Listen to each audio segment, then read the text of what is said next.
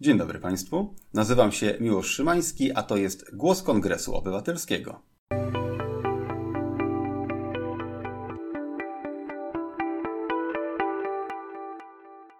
Moim gościem jest dzisiaj pan doktor habilitowany Piotr Koryś z Wydziału Nauk Ekonomicznych Uniwersytetu Warszawskiego. Dzień dobry. Dzień dobry. Porozmawiamy sobie dzisiaj o transformacji gospodarczej, o nierównościach, a także o tym, w jaki sposób rozwijała się nasza gospodarka.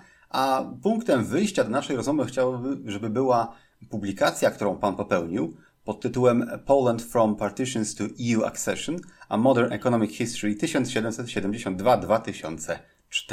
Chciałbym, żebyśmy wyszli od tego z grubsza, żeby mógł, jeśli mógł Pan zarysować sytuację gospodarczą e, Rzeczypospolitej w 1772 roku. Powiedzmy, jak patrzymy sobie na, na schyłek pierwszej Rzeczypospolitej, e, no w szczególności jak patrzymy sobie na sytuację na tych ziem, które, które potem weszły w granice, e, w granice, w granice Polski w różnych jej inkarnacjach w XX wieku, to wiek XVIII był jednym z trudniejszych w ogóle okresów historii tego państwa najprościej można powiedzieć tak, że kolejne wojny, e, brak, e, czy rosnący brak suwerenności, czy rosnąca utrata suwerenności, czy nawet autonomii zarówno w polityce zewnętrznej, jak i międzynarodowej, przekładały się na bardzo powolny wzrost populacji, bardzo niską produktywność w rolnictwie, które było kluczowym sektorem gospodarki, no a konsekwencjami w ogóle długookresowymi specyficznego rozwoju Polski było, e, było to, że właściwie trudno było znaleźć wektor czy kierunek tego rozwoju. Jak powiedziałem, specy, specyficznymi konsekwencjami, no to najprościej powiedzieć tak, że Polska przez 200-300 lat rozwijała się nieco w rytm rozwoju Europy Zachodniej, świadcząc to to będzie złe słowo, ale powiedzmy świadcząc usługi z piksza dla części Europy. To znaczy polskie rolnictwo było zorientowane nie tylko na produkcję, na potrzeby wewnętrzne, ale również na eksport. E, I większość nadwyżek które się tutaj pojawiały w rolnictwie, trafiała na eksport, zwłaszcza tych nadwyżek, które się pojawiały w dolinie rzeki Wisły, na końcu której był port Gdańsk, zamieszkany licznie przez holenderskich kupców. Te nadwyżki nie przyczyniały się do procesów urbanizacji, przekształcenia gospodarczego Polski, ale wspierały te procesy na zachodzie Europy z korzyścią dla, dla Rzeczypospolitej, zwłaszcza dla warstwy szlacheckiej i z korzyścią, która trwała, no, zwłaszcza dokąd nie skończyły się korzystne tak zwane terms of trade, warunki handlu. Czyli zanim nie skończyła się sytuacja, kiedy polskie zboże było relatywnie drogie w stosunku do produktów wytwarzanych w Europie Zachodniej. Jednak rozwój kolonii, postęp technologiczny w europejskim rolnictwie i parę innych tego typu procesów, czy kilka innych tego typu procesów e, przyczyniło się do tego, że warunki handlu, terms of trade były coraz gorsze, dochody szlachty były coraz niższe, no co znów ze względu na szereg uwarunkowań społeczno-ekonomicznych doprowadziło do sytuacji, w której szlachta, wykorzystując swoją dominującą pozycję we wciąż stanowym parlamencie, który z jednej strony jako parlament był rozwiązaniem jak na Europę jeszcze w XVIII wieku całkiem nowoczesnym, a z drugiej strony ze względu na to, że pozostawał parlamentem stanowym, właściwie wyłącznie szlacheckim, był rozwiązaniem nienowoczesnym. Ten parlament podtrzymywał status ekonomiczny szlachty, czy szlachta wykorzystywała parlament, no i wszelkie inne dostępne jej rozwiązania, pogarszając sytuację tego kontraktu, który był no, długookresowy i niemożliwy do zerwania, który został zawarty pomiędzy, pomiędzy pańszczyźnionym chłopem a, a, a, a szlachcicą. Pańszczyźniony chłop był poddanym, nie był, nie był niewolnikiem w czasem tego słowa znaczeniu, tak? Znaczy nie, nie miał ograniczonych wszystkich swoich praw, ale, ale istotną część z nich miał ograniczoną. No i jakby konsekwencją tego modelu rozwoju, pogarszania się, pogarszania się terms of trade, braku miast, był, był kryzys, który trwał gdzieś pewnie mniej więcej przez pierwszą połowę XVIII wieku i był pogłębiany konfliktami wewnętrznymi i wojnami toczącymi się na terytorium Rzeczypospolitej. W szczególności wojną północną, która zdewastowała terytorium Rzeczypospolitej zapewne bardziej niż wcześniejsze konflikty pokroju potopu szwedzkiego. Obniżając populację, niszcząc miasta i no, godząc w, jakby w ekonomiczny status Rzeczypospolitej. Jakieś ostatnie 20 lat istnienia Rzeczypospolitej to jednak próby odbudowy, próby odbudowy poprzez wchodzenie części szlachty w działalność poza rolniczą, finansowaną przez warszawskie banki, e, przez próby reform wewnętrznych, na których manifestacją taką najlepiej zapamiętaną stał się Sejm Wielki i Konstytucja 3 maja. No i e, jakby towarzyszący temu jednocześnie pogłębiający się kryzys polityczny, tak, wynikający z dramatycznej słabości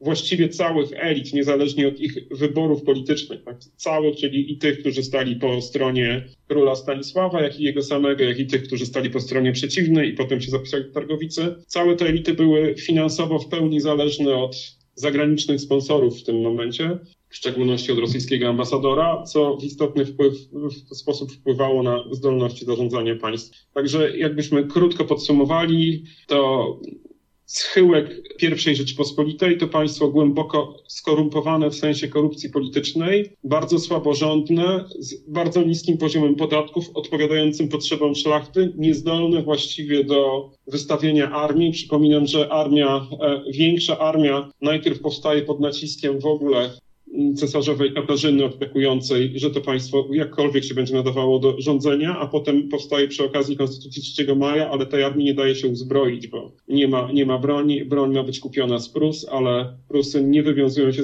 ze zobowiązania, bo w międzyczasie już król Fryderyk jest dogadany z cesarzową Katarzyną na temat dalszych podziałów Rzeczypospolitej, w których, z których on, jak pamiętamy z mapy, najbardziej skorzysta, bo w granice Prus e, trafi nie tylko Wielkopolska, ale przecież również Mazowsze, aż gdzieś po Białystok, e, Podlasie. No to dopiero później, po wojnach napoleońskich, te granice się zmienią bardziej na korzyść Rosji. To chyba taki obraz na początek byłby mniej więcej pełen to ja bym chciał uzupełnić od siebie, że w owym czasie, znaczy w ostatnich chwilach istnienia I Rzeczypospolitej, na terenie Rzeczypospolitej, uwzględniając terytoria już zabrane wskutek pierwszego zaboru, mieszkało około 9 milionów ludzi. Żeby to dać jakąś perspektywę, to największym miastem był Gdańsk, który miał raptem 80 tysięcy mieszkańców. Warszawa była niewiele mniejsza. Także to są dwa największe miasta. Potem długo, długo nic Kraków miał wtedy 15 lub 20 tysięcy. To mówimy o tym mniej więcej rozmiarze. Także gro populacji y, nie mieszka w miastach. To jeszcze ja tylko uzupełnię szybko, przepraszam za wcięcie, ale ja uzupełnię wszystko, że, że szybko, że trzeba by to odnieść do miast Europy Zachodniej, gdzie mamy już dużo miast e, powyżej 100 tysięcy mieszkańców, no a największe miasta pokroju, pokroju, pokroju Neapolu, Paryża, Londynu, pewnie Florencji wciąż, Mediolanu czy, czy niektórych miast niemieckich mają już po kilkaset tysięcy mieszkańców. No właśnie i po e, rozbiorach Rzeczypospolitej te trzy kawałki już po jeszcze wojnach napoleońskich, które pozmieniały te granice, jak pan zaznaczył, te trzy kawałki Rzeczypospolitej rozwijają się już w różny sposób. O ile pod zaborem pruskim ten rozwój, te ziemie zaczynają być traktowane jak może nie tyle podbite, co bardziej jako już nierozerwalna część Prus i zostaje na ten teren implantowane pruskie prawodawstwo, w tym chociażby powszechny obowiązek szkolny i powoduje to, że w 1920 roku, kiedy są prowadzone pierwsze szerokie badania już II Rzeczypospolitej, to wynika z tego, że w województwach śląskim e, czy poznańskim 98-99% osób potrafi czytać i pisać, natomiast na Dalekim Wschodzie, w byłym zaborze rosyjskim, na przykład w województwie e, nowogrodzkim, ten odsetek wynosi 50 kilka procent. To, pokazuje, że te, te, te, dwie, te trzy kawałki Rzeczypospolitej są kompletnie różne względem siebie. Jednakowoż, jeżeli spojrzeć na demografię, to w zaborze pruskim mieszkało kilkanaście procent ludności, podobnie w byłym zaborze austriackim, natomiast z terytorium byłego zaboru rosyjskiego pochodziło gro mieszkańców II Rzeczypospolitej ponad 60%. W związku z powyższym, jakby średnia przekrój przez społeczeństwo i jego charakter, gęstość sieci kolejowej i tak dalej, był siłą rzeczy dyktowany przez to, co się działo w byłym zaborze rosyjskim.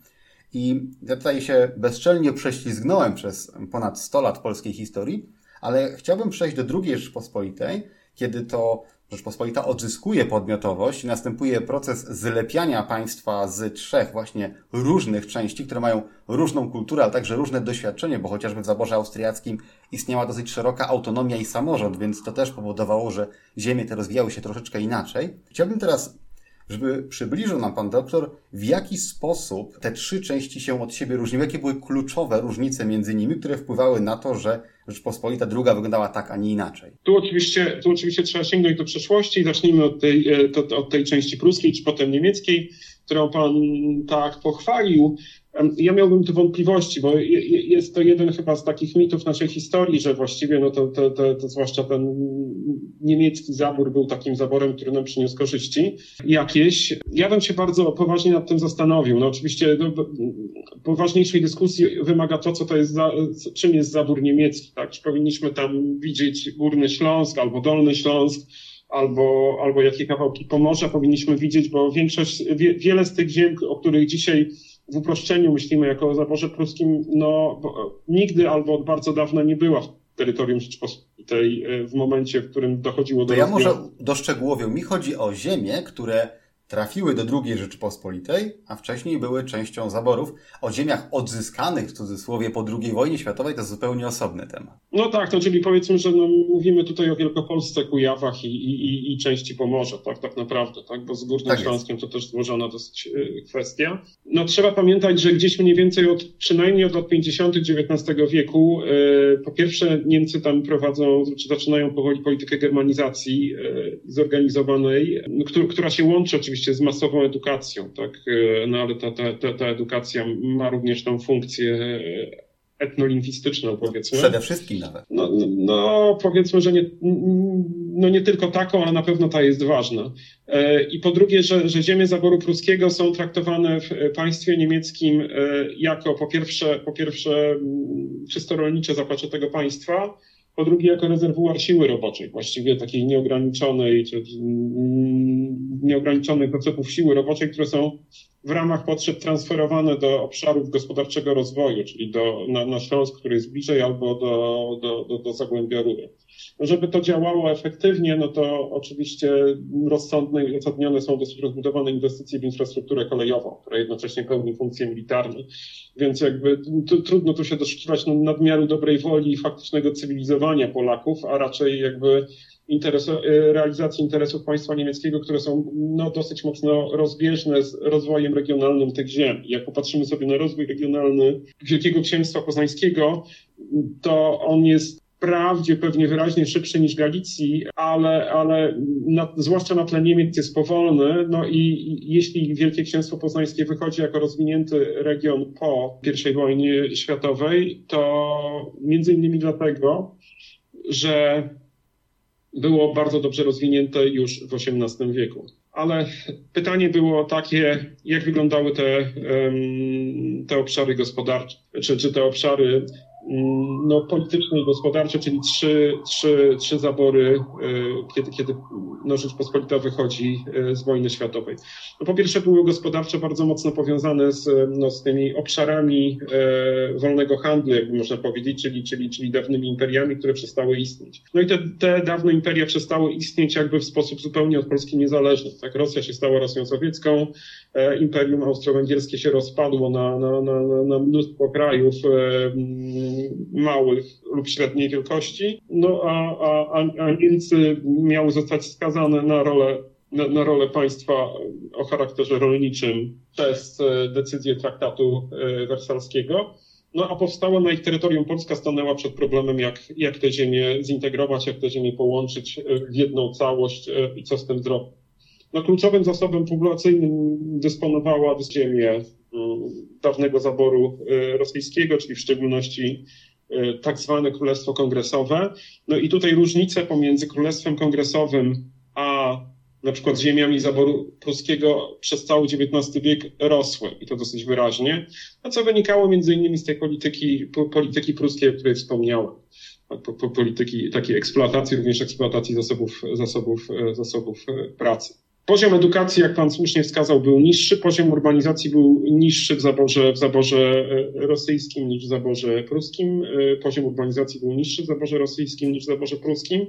Jeśli chodzi o uprzemysłowienie, no to uprzemysłowie, z uprzemysłowieniem już jest bardziej złożona sprawa, dlatego że największe ośrodki przemysłowe II Rzeczypospolitej, za wyjątkiem Śląska, tak, o którym, jak mówiłem, to, to jakby osobna w ogóle dyskusja, gdzie on jest mm, w historii Rzeczypospolitej, e, no to, to są ośrodki, które się mieszczą na terenie Królestwa Kongresowego. Łódź, Warszawa, e, Tosnowiec, Dąbrowa Górnicza to są te trzy ważne obszary gospodarcze. Poznań jest relatywnie niedużym miastem pod koniec XIX wieku, podobnie jak Kraków i Lwów Gdańsk zostaje poza terytorium Rzeczypospolitej, jak pamiętam. No jeśli chodzi o gęstość infrastrukturalną, to obszary też się wyraźnie różnią. Infrastruktura na terenie Królestwa Kongresowego wstrzymywana carską polityką jest bardzo mizerna. Jest najmizerniejsza spośród tych wszystkich trzech głównych regionów, na które się, które się złożą na, na, na, na terytorium II Rzeczypospolitej. Dlatego, że carowie wyobrażali sobie, że jeśli nie zbudują e, linii kolejowych w gęsto zaludnionej, aczkolwiek z punktu widzenia Imperium Carskiego peryferyjnej prowincji, tak, gęsto zaludnionej, rozwiniętej dosyć jak na warunki carskie, ale peryferyjnej prowincji. Jak nie zbudują tam infrastruktury transportowej, jak nie zbudują mostów, kolei, dróg, e, to niemieckie wojska tam utkną i nie będą w stanie szybko się przemieszczać w stronę no, w stronę głównych obszarów gospodarczych e, cesarstwa. No, jak pamiętamy z historii I wojny światowej, niemieckie wojska były zainteresowane przede wszystkim zajęciem właśnie Królestwa Kongresowego. No i dalej się rzeczywiście nie przemieszczały, ale, ale same, same no, jakby kwestia torów kolejowych czy, czy dróg nie stanowiła dla nich jakiejś fundamentalnej bariery. Tak, no, po, potem to wisi oczywiście ogromnym, czy staje się to ogromnym kosztem dla, dla, dla nowo powstałego państwa. No jeżeli patrzymy sobie z kolei na zasoby ludzkie, no to, to pewnie naj, największym potencjałem, chociażby ze względu na rozmiary populacji, y, dysponowała, dysponowała populacja no, ta, zaboru rosyjskiego. Aczkolwiek, no znów, ze względu na politykę carską, to jakby istotny wpływ na kształtowanie się administracji i, i, i struktur nowego państwa miały doświadczenia nabyte przez no, mieszkańców tych dwóch pozostałych zaborów. Bo w carskiej Polsce długo było bardzo ciężko o, o, o kariery e, zawodowe w ramach administracji rosyjskiej, no, albo łatwo prowadziło to do jakichś procesów wynarodowienia. Więc chyba tak mniej więcej trzeba by popatrzeć na te ziemie. Jeżeli chodzi o poziom rozwoju, no to, to już wspomnieliśmy, że pewnie najlepiej rozwinięte są ziemie, jak popatrzymy na to tak przekrojowo, najlepiej rozwinięte są ziemie właśnie, znaczy jest Śląsk, ziemie, ziemie dawnego zaboru pruskiego, no a słabiej te dwie pozostałe prowincje, ale znów, jeżeli wyodrębnilibyśmy taki, taki pas e, mniej więcej wzdłuż dawnej granicy zaboru pruskiego i rosyjskiego, no to on, on był pewnie z gatunku tych najlepiej rozwiniętych, czyli gdzieś pomiędzy pomiędzy Częstochową, Łodzią a Warszawą jest taki obszar dosyć silnego y, rozwoju z dużymi centrami przemysłowymi, aczkolwiek te centra znów mają dość monokulturowy, bym powiedział, charakter i są zorientowane na obsługę wielkiego rynku rosyjskiego, który znika, a w każdym razie dostęp do niego znika. No właśnie i wtedy też nie tylko dochodzi do sporego kryzysu gospodarczego na terenie tych ośrodków, jak chociażby Łodzi, która miała zaopatrywać całe Imperium Rosyjskie, które nagle zostało odcięte, Następuje też wojna celna między Niemcami a Rzeczpospolitą e, w 25 roku. I e, na to wszystko jeszcze gigantycznym wysiłkiem e, Druga Rzeczpospolita, bo to było wielokrotnie powyżej możliwości budżetowe II Rzeczpospolitej, następuje budowa centralnego ośrodka przemysłowego, linii kolejowej do Gdyni, no i samej Gdyni. Te wysiłki modernizacyjne przyniosłyby znacznie większe korzyści, gdyby nie druga wojna światowa, która spowodowała no, ruinę kraju przecież. I dochodzimy do lat 40., kiedy następuje powojenna odbudowa kraju i po raz drugi w żyjącej ówcześnie pamięci zlepianie nowych kawałków terytorium polskiego, przemieszanej ludności i budowa znowu gospodarki w miejscach, które jak chociażby na Pomorzu czy na Dolnym Śląsku były zorientowane na to, że są częścią przecież Niemiec, nagle tą częścią być przestają, przyjeżdżają tam nowi ludzie i wszystko tak naprawdę trzeba budować od zera poza y, domami, które zostały, bo przecież fabryki zostały w dużej mierze przez Armię Czerwoną wywiezione. Co się dzieje w latach 40. i 50.? Trzeba pamiętać, że jednak sporo infrastruktury zostało, tak nawet jak Rosjanie wywożą, zresztą z umiarkowanym skutkiem dla siebie, bardzo często niszcząc tam te wywożone fabryki, zostają budynki, zostaje no przynajmniej trochę infrastruktury, czyli nie udaje się wybić wszystkich torów, jeżeli już to Rosjanie często zbijają no, linie, linie elektryczne, które umożliwiają, takie między Wałbrzychem a Wrocławiem, no, połączenia kolejowe elektryczne ale, ale na jedno znaczy, trzeba pamiętać, że trochę czy sporo tej, tej, tej infrastruktury zostaje, więc warunki do odbudowy, odbudowy ziem mm, odzyskanych są. Aczkolwiek no, bardzo długo mamy tam do czynienia z bardzo wysokim poziomem niepewności. Tak? Właściwie nie wiadomo, jak, kto i, i na ile akceptuje ten nowy, nowy podział terytorialny Europy z podzielonymi na trzy części Niemcami, gdzie jedna, no więcej pewnie około połowy terytorium niemieckiego trafia do, do Niemiec zachodnich, gdzieś pewnie więcej niż połowa pozostałych, czy tam trzy, trzy, trzy piąte pozostałego terytorium, albo i trochę więcej trafia, trafia do tak zwanej Niemieckiej Republiki Demokratycznej, no a reszta trafia do terytorium Polski z kawałkami do, do terytorium Związku Socjalistycznych Republik Radzieckich. Tak, no, ale odnośnie tych terytorium, terytoriów, które trafiają do Polski, no, jest dużo do, doza niepewności, jak to będzie.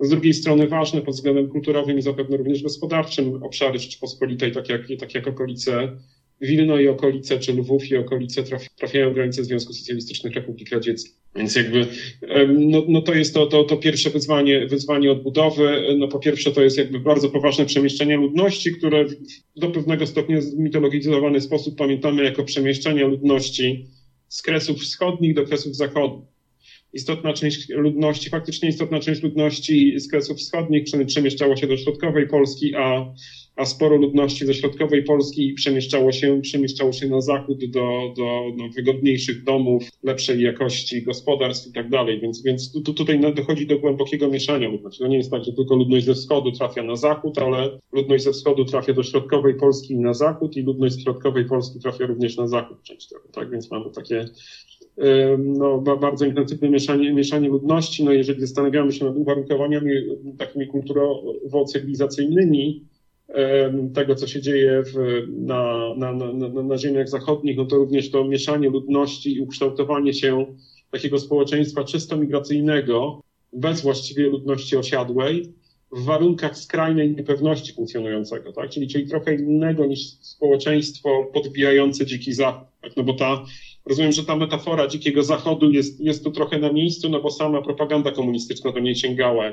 Spojrzymy sobie, które filmy, no to, to one mniej więcej taki obraz prezentują, tak? Tego, tego, tego, tego, tego dzikiego zachodu i takiego frontier, e, pogranicza, które, które, które, które jest zdobywane, tak? Ale to nie jest, przy pewnych podobieństwach, no to jest bardzo dużo, bardzo dużo różnic, e, no od, od, od, od dostępności kapitału, e, który mógł być tam wykorzystany po, po skrajną niepewność odnośnie tego, na jak długo tam jadę mieszkać. Czy jadę tam mieszkać na, na rok, 10 lat, czy wypędzą mnie e, może ci, którzy będą chcieli tę ziemię odzyskać, czy mnie nie wypędzą, no i jakie to będzie miało konsekwencje.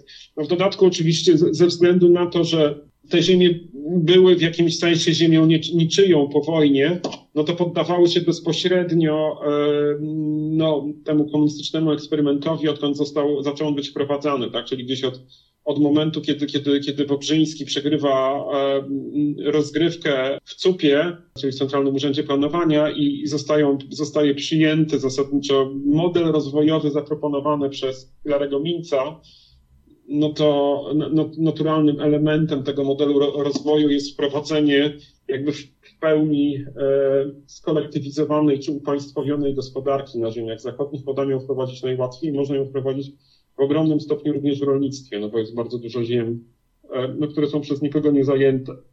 I nie ma tego problemu chłopów, którzy stanowią problem dla, dla władzy komunistycznej, stanowią problem przez następne 40 lat tamten problem, no powiedzmy, jeśli jest, to jest dużo bardziej ograniczony, więc jak popatrzylibyśmy sobie na mapę PGR-ów, czy rolę skolektywizowanego rolnictwa według województw czy według regionów Polski e, w, w Polskiej Rzeczypospolitej Ludowej, no to ona byłaby nieporównywalnie większa w, na, na, na, ziemiach zachodnich niż e, w dawnej Galicji, czy w dawnym Królestwie Polskim, czy w dawnej Wielkopolsce. To chyba mniej więcej tak by wyglądał ten punkt wyjścia, czyli zniszczona gospodarka, ogromne straty ludzkie, na nowo składane terytorium, które tylko, tylko częściowo, tylko w, no nie wiem, w 50-60% się pokrywa z terytorium II Rzeczpospolitej z dużymi terenami utraconymi, z dużymi terenami uzyskanymi.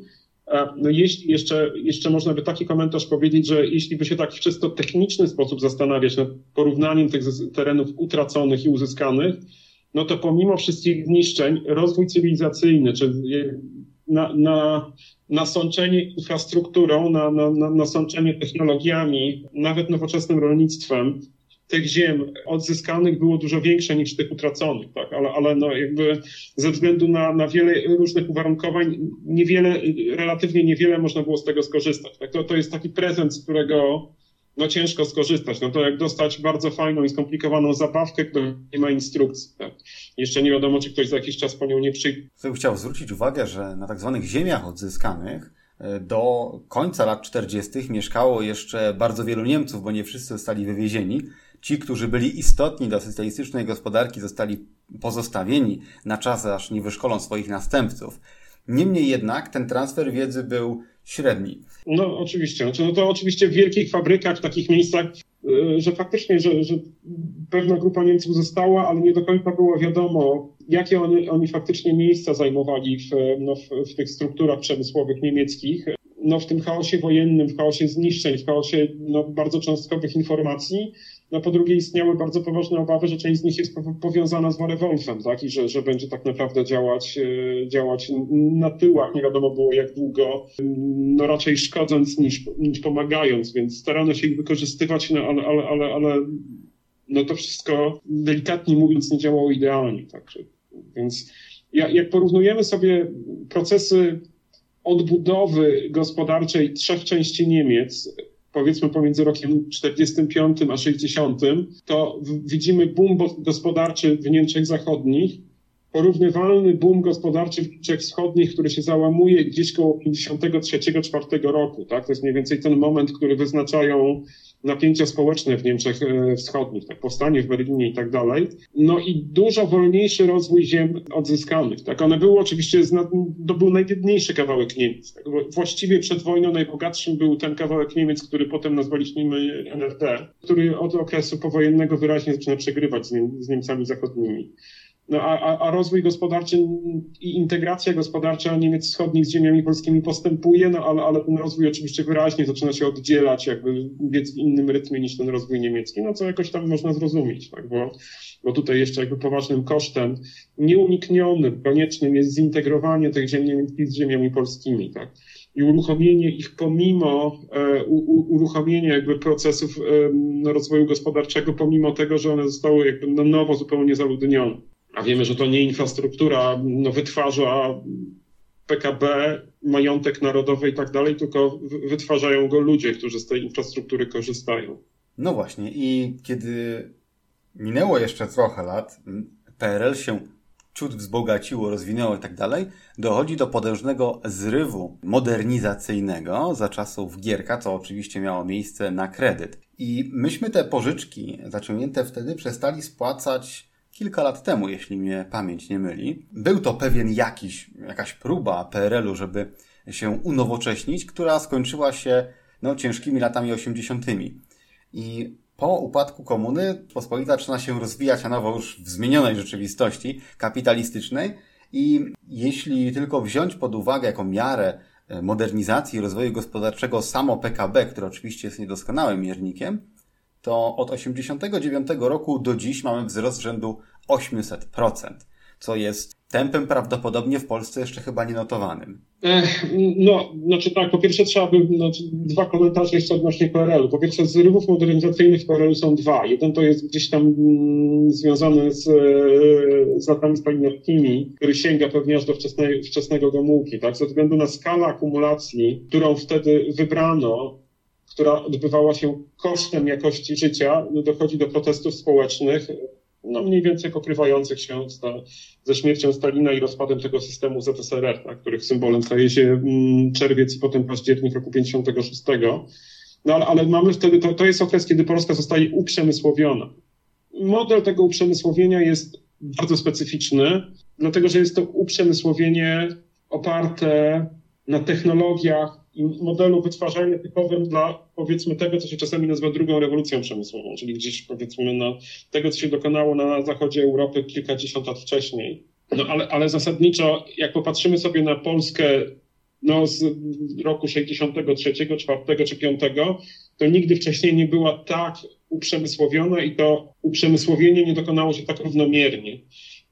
Wysiłek, który potem podejmuje Gomułka, no to jest wysiłek tego, żeby, żeby, żeby rozprowadzić ten przemysł po, po, po całym kraju, tak, żeby blokować zakłady, tak, żeby rozwijać nawet, e, żeby, żeby przemysł miał wpływ na rozwój nawet e, słabo rozwiniętych regionów. Jak mówię, model tego uprzemysłowienia jest specyficzny, jest ono podporządkowane centralnemu planowaniu, jest e, podporządkowane maksymalizacji zwłaszcza wytwarzanie dóbr kapitałowych, e, przemysłów ciężkich, wojennego i tak dalej, no, ale, ale to uprzemysłowienie się dokonuje.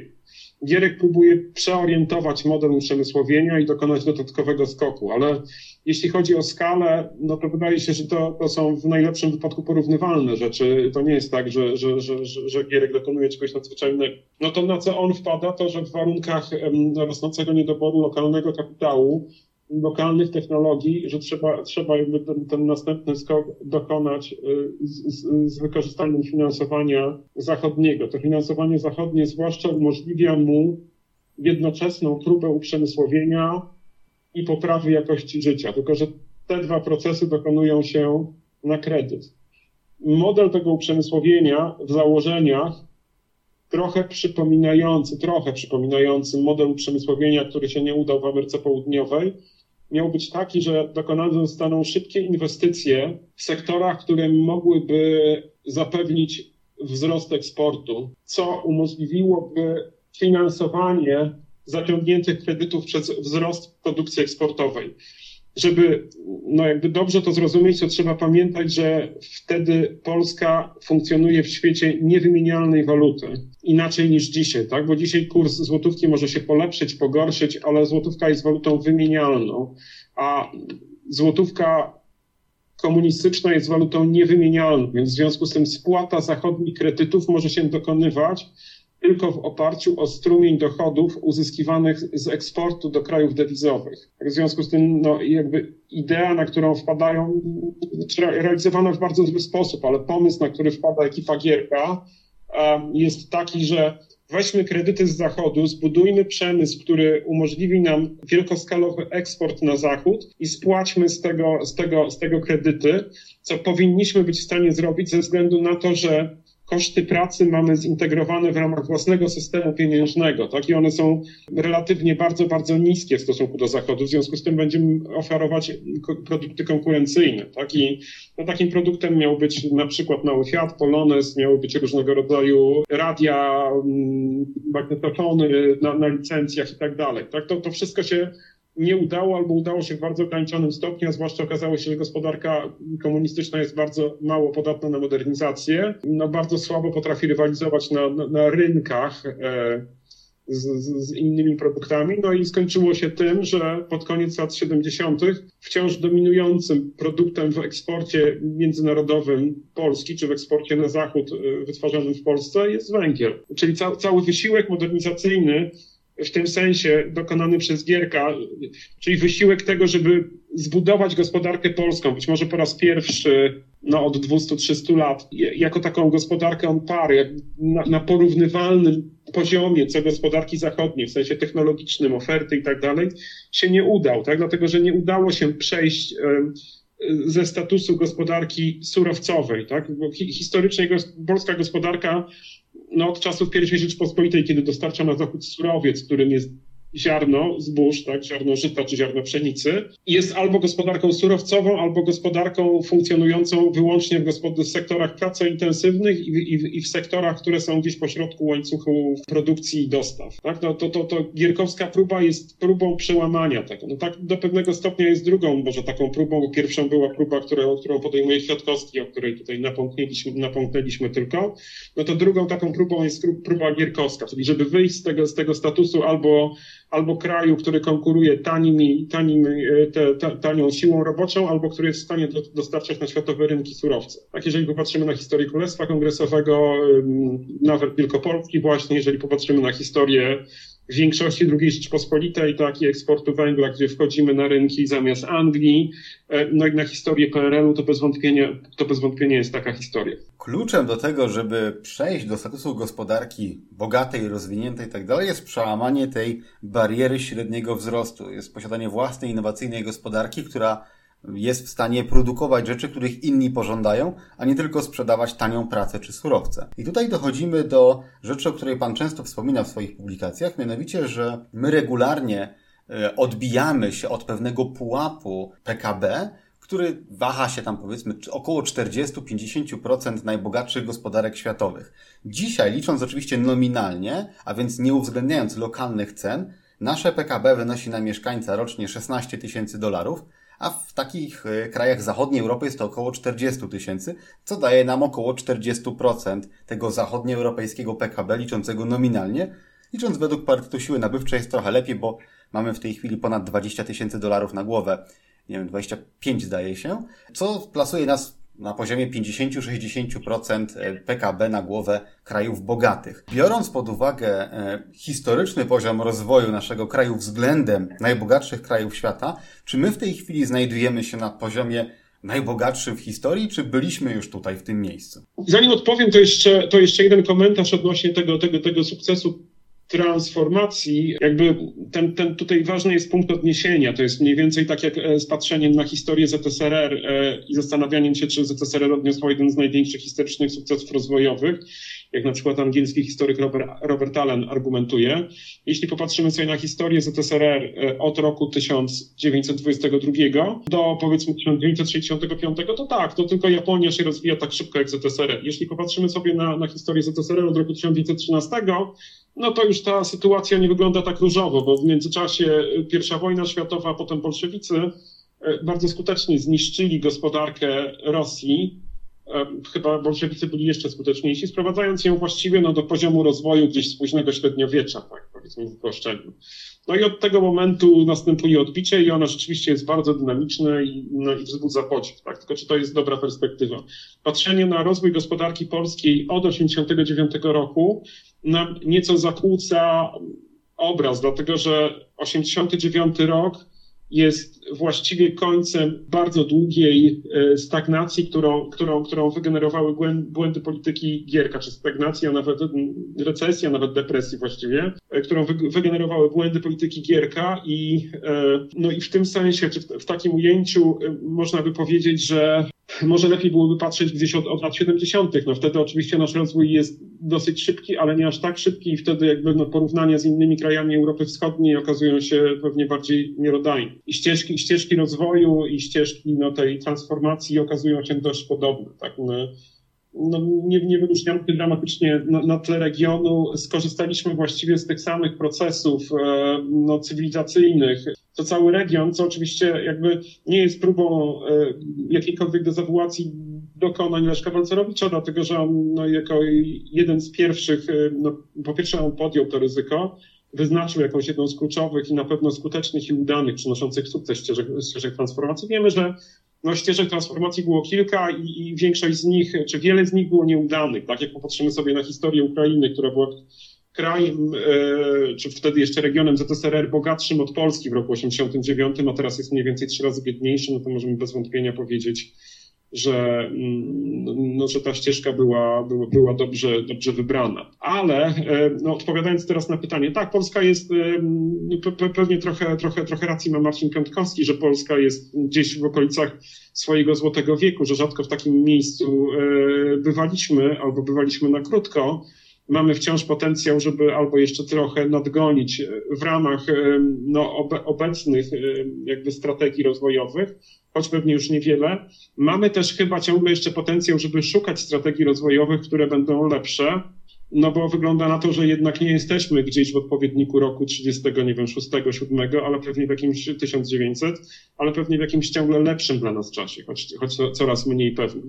Trzeba jednak pamiętać, że zasadniczo, no pod, pod, pod przynajmniej niektórymi względami, no to nie, nie osiągnęliśmy przez ostatnie 30 lat wszystkiego, co byśmy mogli i, i pewnie ostatnie kilkanaście lat od, tysiąc, no, od 2005 roku jest tutaj trochę okresem straconym. Mianowicie, oczywiście wzbogaciliśmy się, żyje nam się, panu, mi i, i bardzo wielu Polakom żyje się lepiej niż się żyło wcześniej.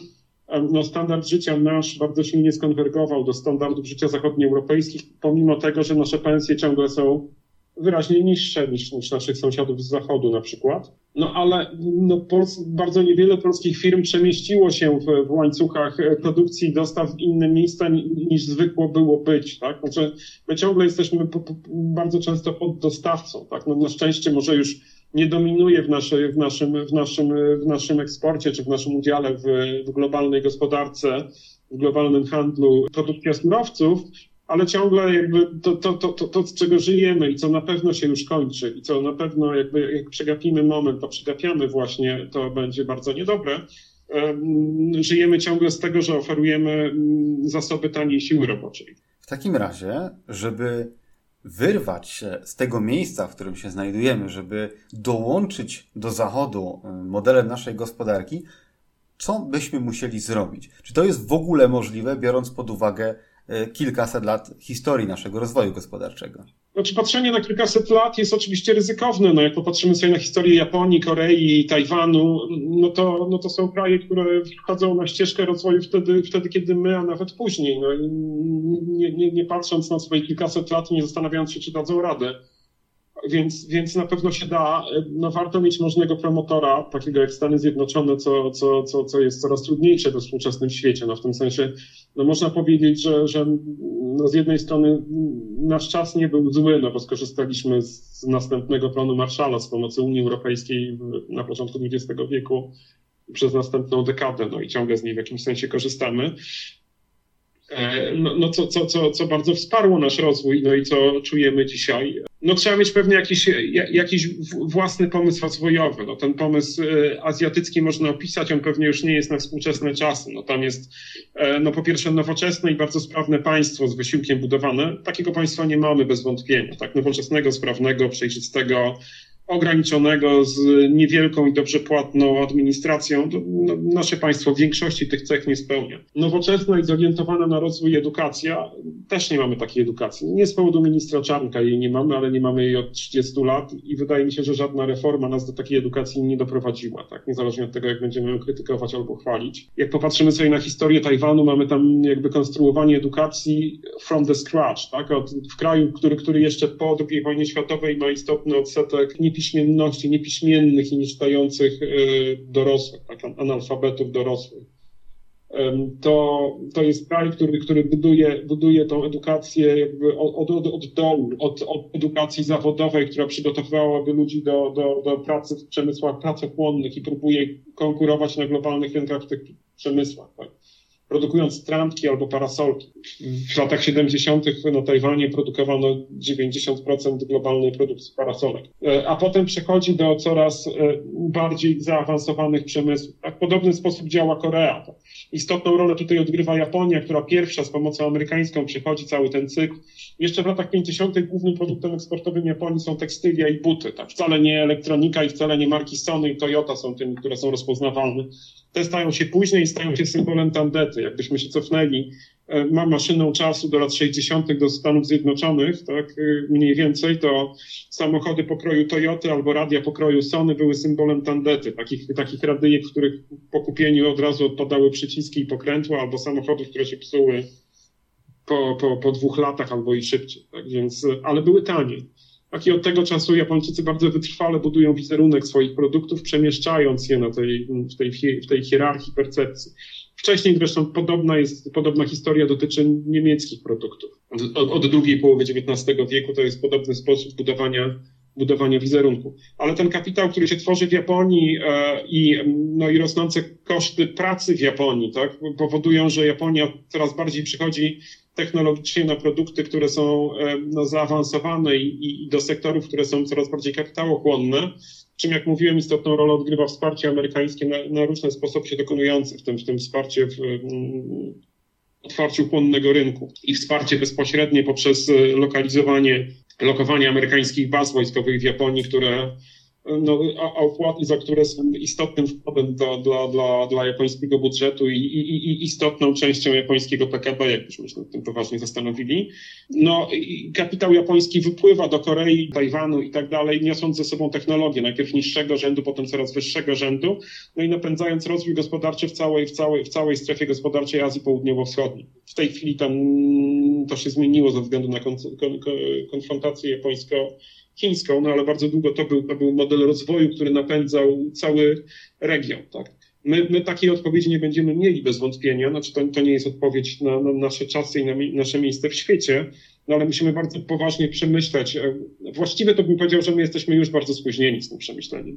E, zasoby siły roboczej nam się skończyły przez ostatnie 5-6 lat. Uratował nas napływ migrantów e, z, przede wszystkim z Ukrainy, częściowo też z Białorusi.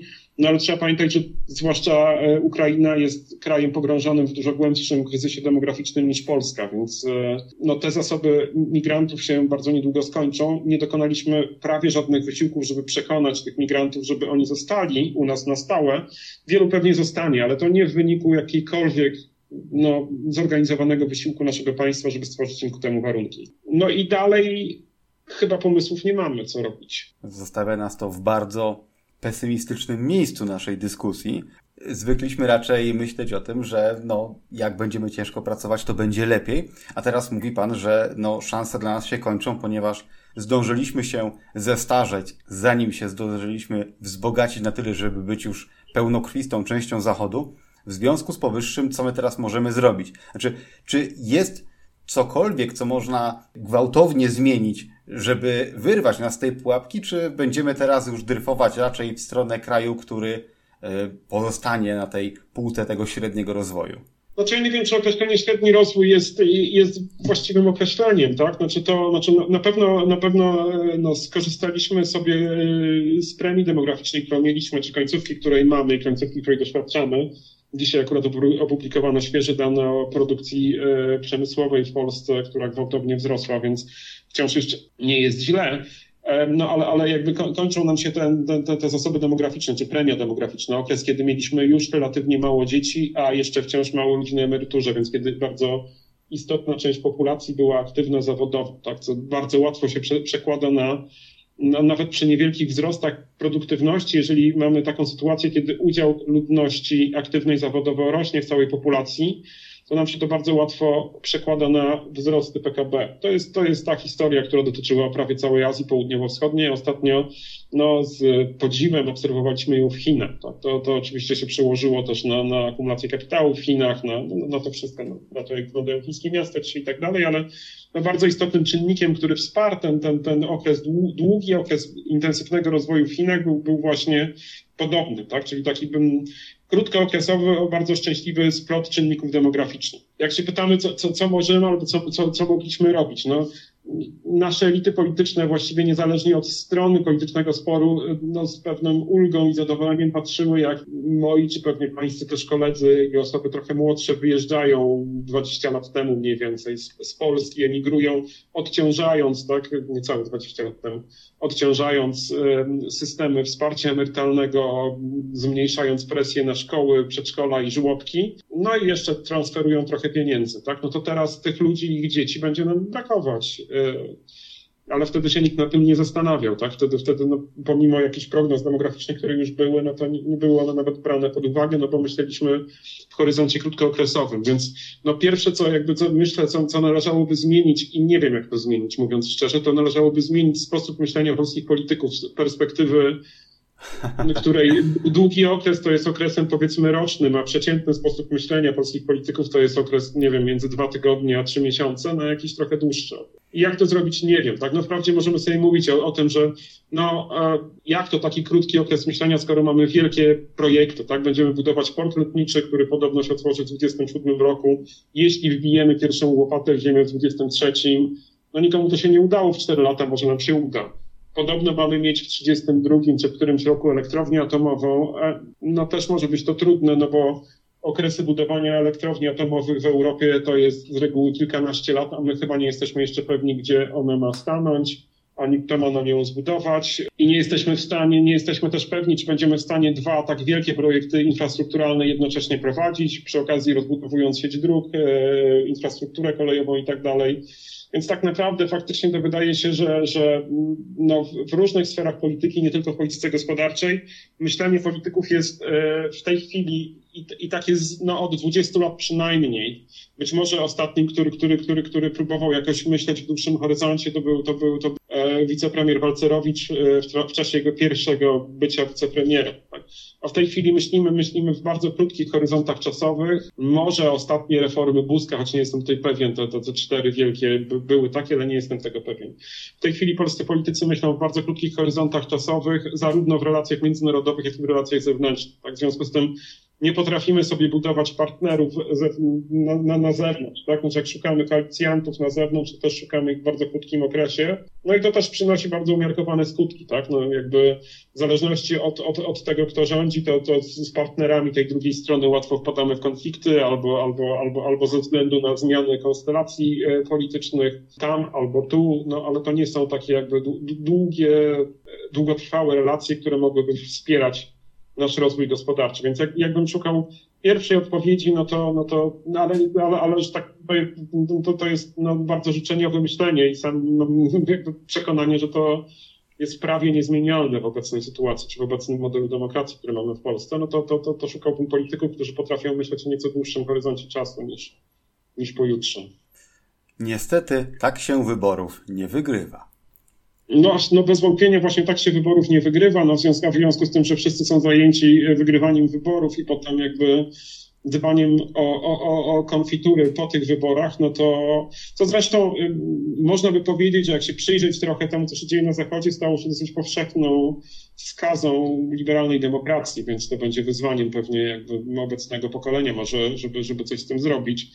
E, no to, to się przekłada na, jakby na, na takie myślenie bardzo, bardzo krótkookresowe, brak myślenia strategicznego, ale oczywiście no to jest jakby, no to jest taki no, no, no bardzo ogólna uwaga, ale jest mnóstwo drobiazgów, które hamuje rozwój gospodarczy e, Polski. No, Przykład pierwszy z brzegu, skomplikowanie podatków. No, pewnie od 30 lat kolejne polskie rządy zajmują się coraz większym komplikowaniem podatków, a doskonałym przykładem, jak bardzo można podatki skomplikować, już skrajnie skomplikowane jest Nowy Ład. Tak, znaczy, że, że, że, że no, niezależnie od tego, jak bardzo mamy skomplikowane podatki, możemy jeszcze zrobić trzy kroki w stronę większego skomplikowania no to na pewno nie, nie, nie, nie wspiera, wspiera rozwoju gospodarczego, a w szczególności nie, nie wspiera jakby takiej wewnętrznej dynamiki rozwoju gospodarczego. Dla, dla zachodnich firm, które tutaj są i które bardzo często korzystają z tego, że mają tutaj na przykład tańsze zasoby siły roboczej, ewentualnie mają tańszą energię trochę, na przykład tak jak teraz, no to jest dość obojętne, tak? Dlatego, że oni i tak potrafią się rozliczyć z tymi podatkami poprzez jakieś ceny transferowe i tak dalej, omijając większość naszego systemu podatkowego. To jest bolesne dla naszych przedsiębiorców. Jak się, jak się zastanawiamy, dlaczego nie mamy firm, które robią globalne, globalne kariery, no to może, może kwestie podatkowe są jednym z czynników, które im to bardzo utrudniają. Ale to tylko jeden z prostych przykładów, tak? No to przejrzystość działania administracji, e, pewność, przejrzystość działania sądów, e, no bardzo dużo takich czynników bardzo prostych o charakterze instytucjonalnym, o, o których poprawie można wymyślać, tak? I, no i jakby, no i część polityków jest tego świadoma. No przypomnieć można, że PiS przychodził do władzy y, proponując reformę sądów, która była niewątpliwie potrzebna. Tak? Co z tej reformy zostało, no to wiemy, tak? No to, to jakby mm, no, no ale, ale sama reforma się przerodziła jakby w spór polityczny, pomimo, że wszyscy wiedzą, że sądy i, i jakby już wcześniej źle działały. Tak? I, no i jakby, no i to jest jakby stały problem, że, że, że no, niezależnie od tego, jakie działania podejmują poszczególne rządy, to te działania bardzo często i tak wchodzą w obszar bezpośredniego sporu politycznego, więc są bardzo trudne w realizacji, albo można je cofnąć, albo cokolwiek takiego. No więc to będzie taką barierą rozwojową, przy czym trzeba tutaj zaostrzec, że to jest bariera rozwojowa na, na tym być może, co, do czego sam zgłaszałem wątpliwości, o, o czym Pan powiedział, e, do tego średniego poziomu rozwoju, bo no, bo no jakbyśmy porównali, jakby, jakbyśmy popatrzyli w kontekście świata, w kontekście globalnym, jak działa nasze państwo, jak działa nasza administracja, to ono nie działa źle. Tak, no jeżeli mamy aspiracje, żeby się awansować do pierwszej ligi, no to działa bardzo przeciętnie. No. Pewnie działa, działa gdzieś tak jak, jak państwo greckie, e, czy, czy państwo włoskie, czy tego typu, te, tego typu państwa, ale no jeżeli byśmy marzyli o tym, żeby awansować gdzieś wyżej niż południe Europy, no to powinno działać lepiej. No i przede wszystkim, no, no, no tak, także mówię, no, jakość działania państwa, e, jakość urządzeń społecznych, politycznych e, tutaj może być, e, być, być kluczowa. No i politycy, którzy, którzy, którzy, którzy próbują naprawdę odpowiedzieć na poważne pytania, czyli przychodzą do polityki z jakąś wizją, z pomysłem na co, czy z, z, z wizją zreformowania państwa. Wydaje się, że w chwili obecnej najprościej byłoby powiedzieć, że, że, że, że te szuflady, o których się bardzo często w Polsce mówi, które politycy mają mieć, są puste już, e, już, już u wszystkich partii. Jak być może i z, z, ze złymi albo dobrymi, to już nie, nie, musimy dyskutować nad tym, pomysłami przychodził do władzy w roku 2015, mówiąc, że ma pełne szuflady, no to teraz już niemal na pewno te szuflady są tak samo puste jak i wszystkich innych partii. E, no i wizji nie ma nikt. No wszyscy przychodzą do władzy, właściwie trudno powiedzieć po co. I to, co pan mówi, bardzo się wpisuje w kilka innych rozmów, które tutaj odbywałem. Mianowicie po naszym wejściu do NATO i do Unii Europejskiej zabrakło nam wizji, która by nas spajała jako społeczeństwo, ale także zabrakło w nas już tej energii, żeby cokolwiek zmieniać, bo udało się, jesteśmy częścią Zachodu, jesteśmy w NATO, jesteśmy w Unii, załatwione. Teraz możemy już tylko y, starać się tego nie zepsuć i zjadać konfitury, już się nie musimy starać.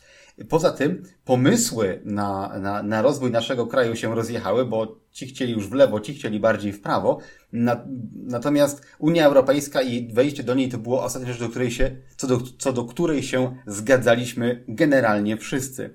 Poza tym, z tego co Pan mówi, wychodzi kolejny wniosek, który także się powtarza w moich rozmowach, mianowicie, że nie ma cudownych sposobów, tylko jest ciężka codzienna praca, która powinna się zaczynać na poziomie edukacji szkolnej i którą, której nikt za nas nie wykona. Takie mam wnioski e, z tego, co dzisiaj Pan nam opowiedział.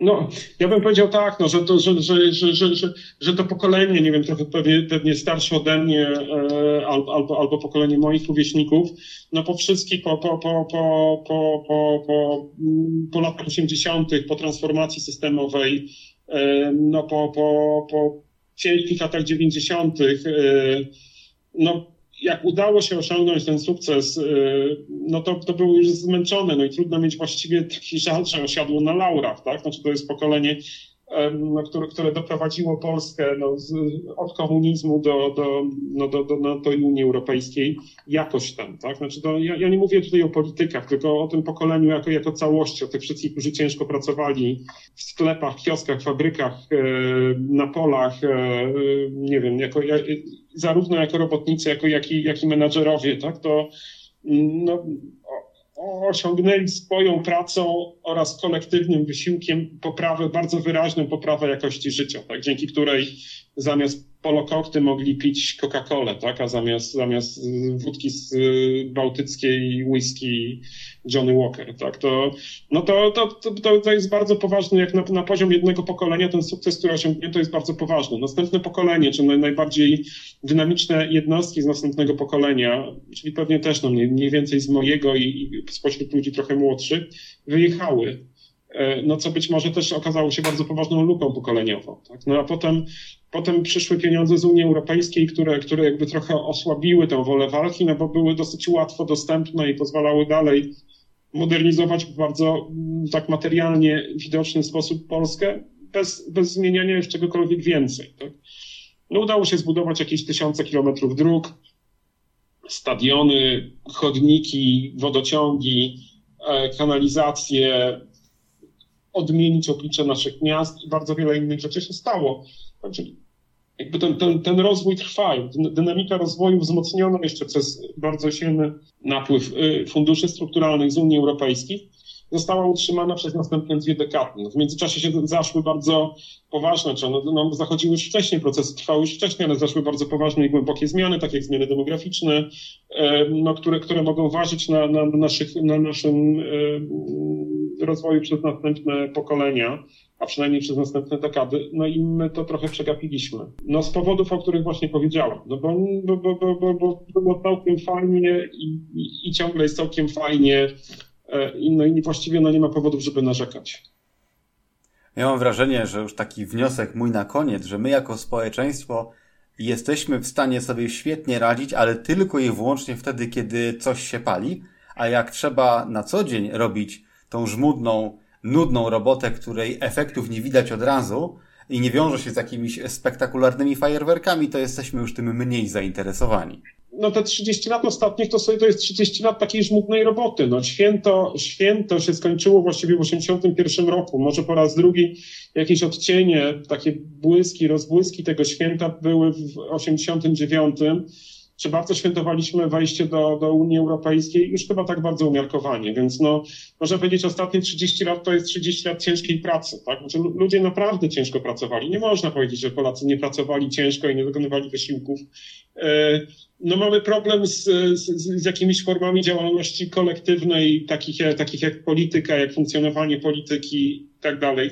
Czy większe niż nasi sąsiedzi? Być może nie dużo większe, bo jak popatrzymy sobie na to, co się dzieje w Czechach, na Słowacji, Rumunii i tak dalej, to, oni nie są lepsi od nas, więc no więc tutaj raczej pojawia się pytanie, no może nie dało się w ogóle lepiej. No na pewno jakby wydaje mi się, że takim naj, najpoważniejszym, ja powiem inaczej niż pan, wydaje mi się, że najpoważniejszym teraz jakby sytuacją, znaczy tą kwestią, którą można się obawiać, to jest to, co pan ładnie nazwał, e, że zestarzyliśmy się zanim, no, zanim zbudowaliśmy tak naprawdę państwo zdolne do, do, do takiej długookresowej konkurencji.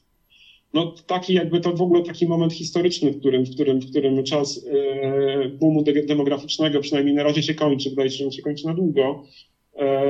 No ci, którzy byli wygrani, którzy się rozwinęli e, w trakcie tego boomu, czyli powiedzmy pomiędzy 1780 a 1980 rokiem, takie 200 lat, e, no korzystają najbardziej. Wszyscy kolejni mają kłopot z tym, że, że starzeją się zanim się wzbogacą. No ten problem dotyka Koreańczyków już powoli, dotyka Tajwan, jeszcze szybciej dotknie Chiny, no i my będziemy gdzieś w podobnej trochę sytuacji. Znaczy, czy, czy zdołamy jakoś tą sytuacją zarządzić, no tu się rodzą obawy, no bo o ile, o ile jakby ja bym no, bronił to, że Polacy jakby swoją ciężką pracą i wytrwałością osiągnęli dużo, no to wydaje się, że polscy politycy swoją pracą i swoją wytrwałością, już nie będę dodawał ciężką, e, osiągnęli mniej. Myślę, że to jest właściwy wniosek na koniec naszej rozmowy.